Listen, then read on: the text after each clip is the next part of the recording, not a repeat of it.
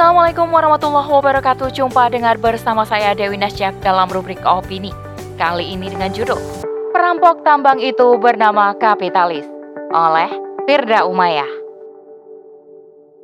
Sistem demokrasi yang mengakui kebebasan kepemilikan telah membuat pemerintah mengizinkan para kapitalis baik dari kalangan swasta lokal maupun asing untuk mengelola kekayaan alam negeri. Mereka mengeksplorasi, mengeksploitasi, melakukan konstruksi dan mengoperasikan pertambangan di berbagai wilayah Indonesia.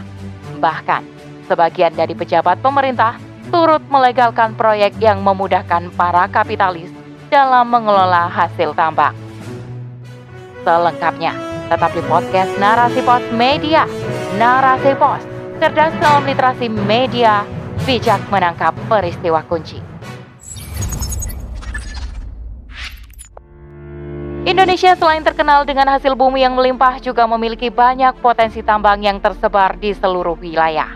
Tambang emas, biji besi, nikel, batu bara, belerang, tembaga, timah, bauksit, nikel, minyak bumi dan gas alam merupakan sebagian besar barang tambang maupun material mineral yang ada di Indonesia. Sayangnya, kekayaan alam yang melimpah tidak lantas membuat rakyat Indonesia hidup sejahtera Dilansir oleh Kompas.com pada tanggal 9 Oktober 2022 lalu, sekitar 68% masyarakat Indonesia kesulitan untuk menjangkau makanan bergizi. Artinya, pengelolaan kekayaan alam yang ada tidak kembali kepada rakyat. Lantas, mengapa hal ini terjadi? Adalah hal yang umum bahwa mayoritas kekayaan alam yang ada di Indonesia berada dalam pengelolaan pihak swasta bahkan asing. PT Freeport Indonesia PT Bumi Resort Tbk, PT Brau Coal, Chevron Pacific Indonesia, Exxon Mobil dan Shell merupakan sebagian perusahaan besar yang mengelola aneka tambang di Indonesia. Hingga saat ini, keberadaan para pengusaha dan perusahaan tambang tampaknya terus meningkat selaras semakin meningkatnya hasil temuan tambang di berbagai wilayah negeri. Seperti saat tambang emas ditemukan di sejumlah wilayah Jawa Timur, perusahaan swasta kembali memegang kendali atas pengelolaan kekayaan alam ini. Salah satunya adalah PT Sumber Mineral Nusantara atau PT SMN. Perusahaan tambang yang menjadi pemenang dalam pelelangan pengelolaan tambang yang ada di Trenggalek. Diperkirakan, PT SMN melakukan eksploitasi tambang sejak tahun 2019 lalu. Dengan alasan tidak mampu mengelola mandiri, negara menggandeng bahkan mengizinkan pihak swasta dan asing untuk mengelola kekayaan alam ini. Kalaupun masih ada perusahaan milik negara seperti PT Pertamina, namun semua hasil tambang yang ada tidak dikelola untuk memenuhi kebutuhan domestik. Hanya sebagian kecil saja yang digunakan untuk kebutuhan dalam negeri. Adanya penerimaan negara bukan pajak atau PNBP yang diterima negara dari sektor pertambangan, meski nilainya cenderung meningkat hampir di setiap tahunnya, namun kekayaan alam yang diserahkan kepada asing dan swasta jelas tidaklah sebanding dengan apa yang didapatkan oleh negara. Kondisi ini merupakan bukti bahwa negara dengan sistem pemerintahan demokrasi telah membuat para pejabat dan kalangan elit rela menjual kekayaan alam.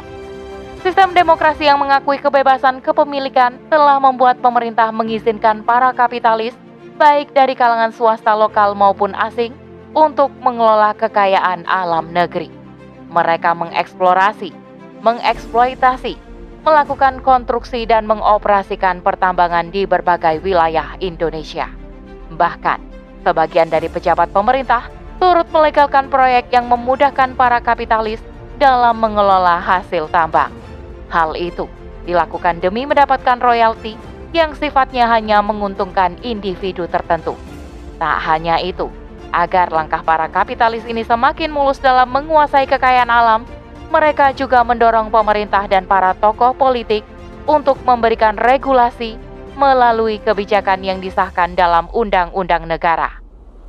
Adanya Undang-Undang Pertambangan Mineral dan Batu Bara atau UU Minerba merupakan salah satu bukti bahwa undang-undang ini lebih memihak kepada para kapitalis yang notaben pengusaha tambang. Meski Undang-Undang Minerba telah direvisi pada tahun 2020 dan pemerintahan menyatakan bahwa undang-undang yang baru akan lebih memperhatikan kesejahteraan rakyat, Bukankah lebih baik kekayaan alam yang ada dikelola secara mandiri, tanpa campur tangan para kapitalis? Ditambah lagi, adanya Undang-Undang Cipta Kerja tentang pertambangan semakin membuka lebar jalan bagi para pengusaha untuk mendapatkan izin kegiatan usaha tambang, baik dalam pertambangan mineral, batu bara, maupun energi. Ikatan erat antara elit politik, birokrat, dan kapitalis merupakan garda terdepan dalam upaya mengeruk kekayaan alam yang sejatinya merupakan milik umum. Penerapan sistem demokrasi dan ekonomi kapitalisme dalam suatu negara sejatinya juga meneguhkan ideologi kapitalisme yang kini menjadi hegemoni dunia. Oleh karena itu, tak ada jalan lain untuk mengembalikan kekayaan alam kepada pemiliknya yaitu rakyat, kecuali dengan meninggalkan sistem ekonomi kapitalisme beserta sistem pemerintahan demokrasi yang syarat akan kepentingan oligarki semata. Wallahu a'lam bishawab. Demikian rubrik opini kali ini. Sampai bertemu di rubrik opini selanjutnya. Saya Dewi Nasya undur diri. Assalamualaikum warahmatullahi wabarakatuh.